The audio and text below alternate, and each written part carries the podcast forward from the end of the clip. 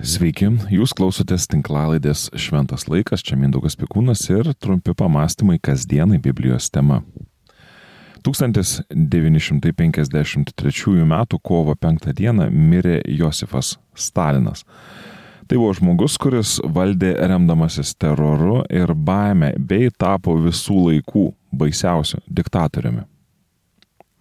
Leonidas Gozmanas, Rusijos politikas ir psichologijos profesorius 2022 rūpiutį buvo 15 parų sulaikytas, nes savo Facebook paskyroje pasidalino tokių įrašų.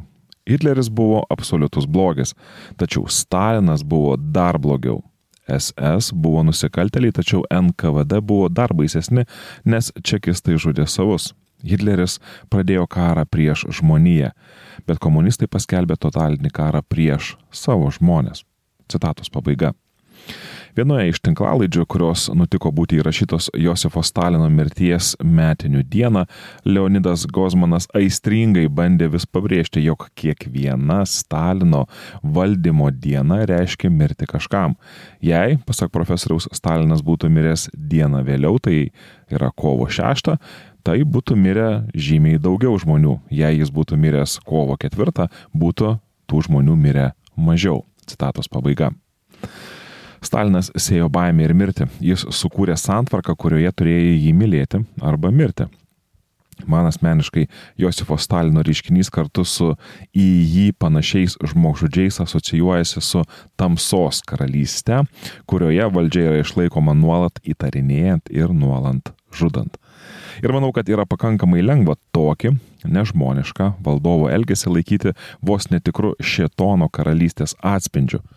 Todėl yra, na, suprantamas pasibaisėjimas ir pasišlikštėjimas Rusijos invazija į Ukrainą, nes vėl išnyra praeities šešėliai ir norisi visais įmanomais būdais gintis prieš tokius, na, politinės santvarkos šalininkus bei tokios politinės santvarkos iškilimą bei jos plėtimąsi.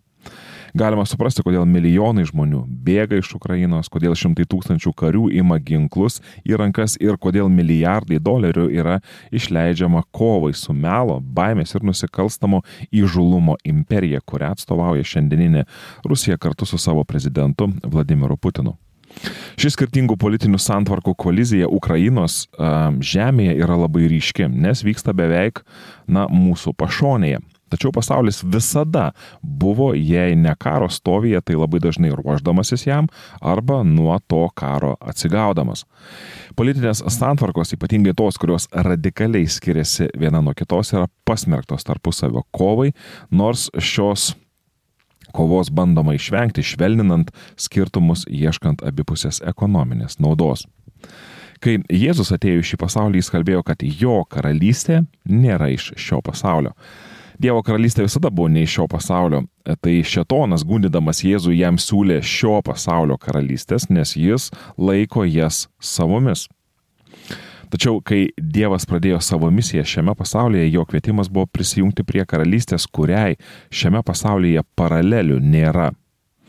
Aš džiaugiuosi galėdamas gyventi, žinoma, demokratinėje visuomenėje ir kuri, aišku, nėra tobula, tačiau noras dominuoti, kurioje ir išnaudoti kitus yra pakankamai suvaldytas, nors atsipalaiduoti, aišku, tikrai nereikėtų, nes ir tokiai demokratiniai santvarkai yra grėsmė išsigimti. Sutinkant tokius diktatorius kaip Josefas Stalinas ar į jį panašius, kaip jau minėjau, yra pakankamai lengva matyti skirtumą tarp tamsos karalystės ir šviesos karalystės. Tačiau šiandien aš drįstu teikti, jog net ir mūsų vakarų visuomenė su visa savo palaima skiriasi nuo Jėzaus karalystės. Ir pasakysiu gal ir labai drąsiai, bet šetono karalystėje yra vietos visoms politinėms santvarkoms. Nuo diktatūros iki libertarizmo, nuo monarchijos iki demokratijos ar respublikos. Kiekvienoje iš šių santvarkų gali suspendėti Dievo šviesa, tačiau kiekviena iš šių santvarkų gali labai sėkmingai tarnauti tamsai. Vienos iš jų sėkmingai gali kištis į žmonių fizinį gyvenimą, tikintis palaužti ir jų dvasę, kitos žlugdyti dvasę, saugant ir išaukštinant fizinės aplinkos teikiamą komfortą. Visada konfliktas bus realus, nes visos pasaulietinės valdžios yra paremtos žmogaus išmintimi ir joms nuolatos kelia pavojų žmogaus nuodėmingas noras pirmauti bei išnaudoti. Dievas, išvaduodamas žydus iš Egipto vergyjos, pirmiausia, ką šiai tautai davė, tai savo teisyną, kurio tikslas buvo papasakoti, kuo jo karalystė skiriasi nuo šio pasaulio valdžių. Ir šio teisino pagalba mes galime pažinti bei suprasti, kokia yra ta Dievo šviesos karalystė.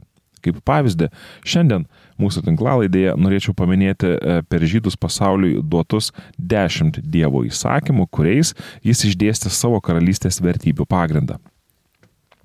Pirmi keturi įsakymai apibrėžia santykius su Dievu. Neturėsi kitų dievų, tik mane vieną.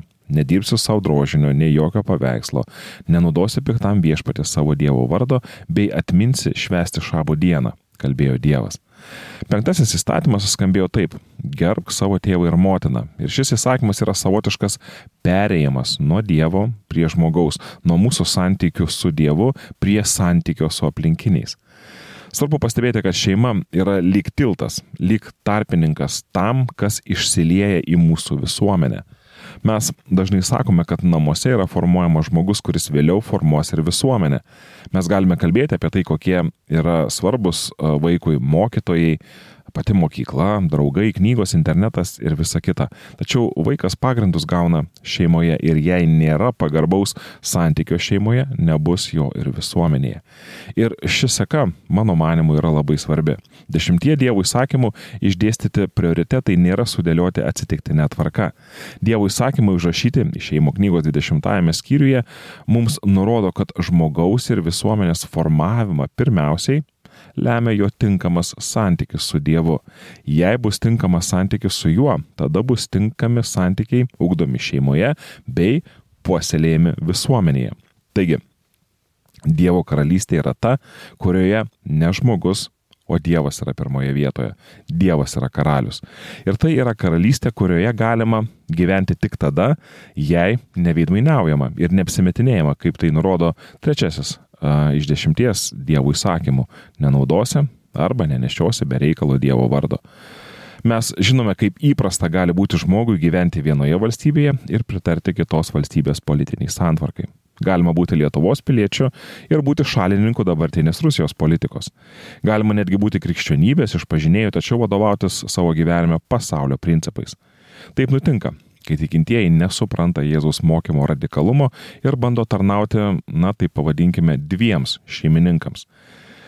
Dievo karalystė pirmiausia prasideda kiekvieno žmogaus širdyje ir bet koks autentiškas santykis gali būti kuriamas tik jei nėra jokios veidmainystės ir būti jame yra sąmoningai bei laisvai pasirenkama. Aišku, ketvirtas įstatymas, e, kuriam, kuris skamba taip atminsi, švesti šabo dieną, irgi yra priskiriamas santykiams su Dievu ir buvo ypatingai turbūt svarbus iš vergystės išvaduotai hebrajų tautai. Šiuo įsakymu Dievas kalbėjo, jog jo karalystėje yra svarbus poilsis ir Dievui nereikia vergauti, bei kad žmogaus tapatybė Dievo karalystėje nebus apsprendžiama tuo, kiek jis padaro.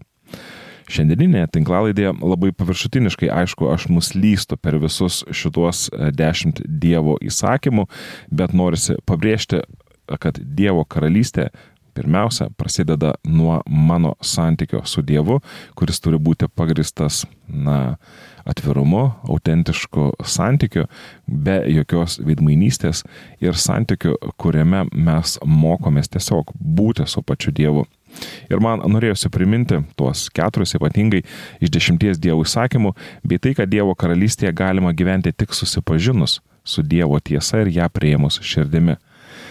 Likusieji šeši įstatymai yra turbūt gerai, geriausiai galbūt visiems žinomi ir jie apibrėžia mūsų santykius su artimu. Jau, kad reikia gerbti savo tėvą ir motiną, aš minėjau, likusieji skamba taip - nežudysi, nesvetimausi, nevoksi, neliūdisi melagingai prieš savo artimą, negeisi svetimo turto. Pastebėkite, kad Dievo įsakymai yra užrašyti naudojant, na, savotiškai ateities tokį laiką.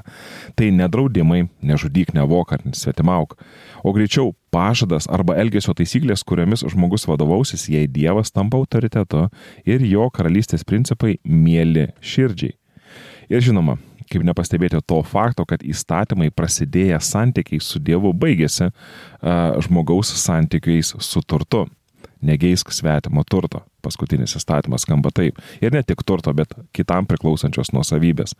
Tai tikrai apie karalystę ne iš šio pasaulio, nes mes matome, kaip šio pasaulio karalystėms rūpi savi materialūs interesai ir dažnai dvasinių vertybių sąskaita.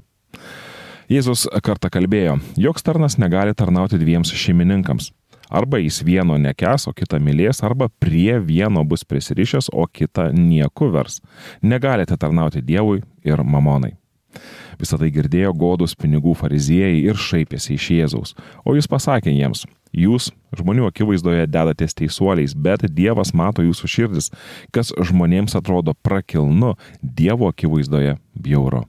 Luko Evangelija 16 skyrius 13-15 eilutės.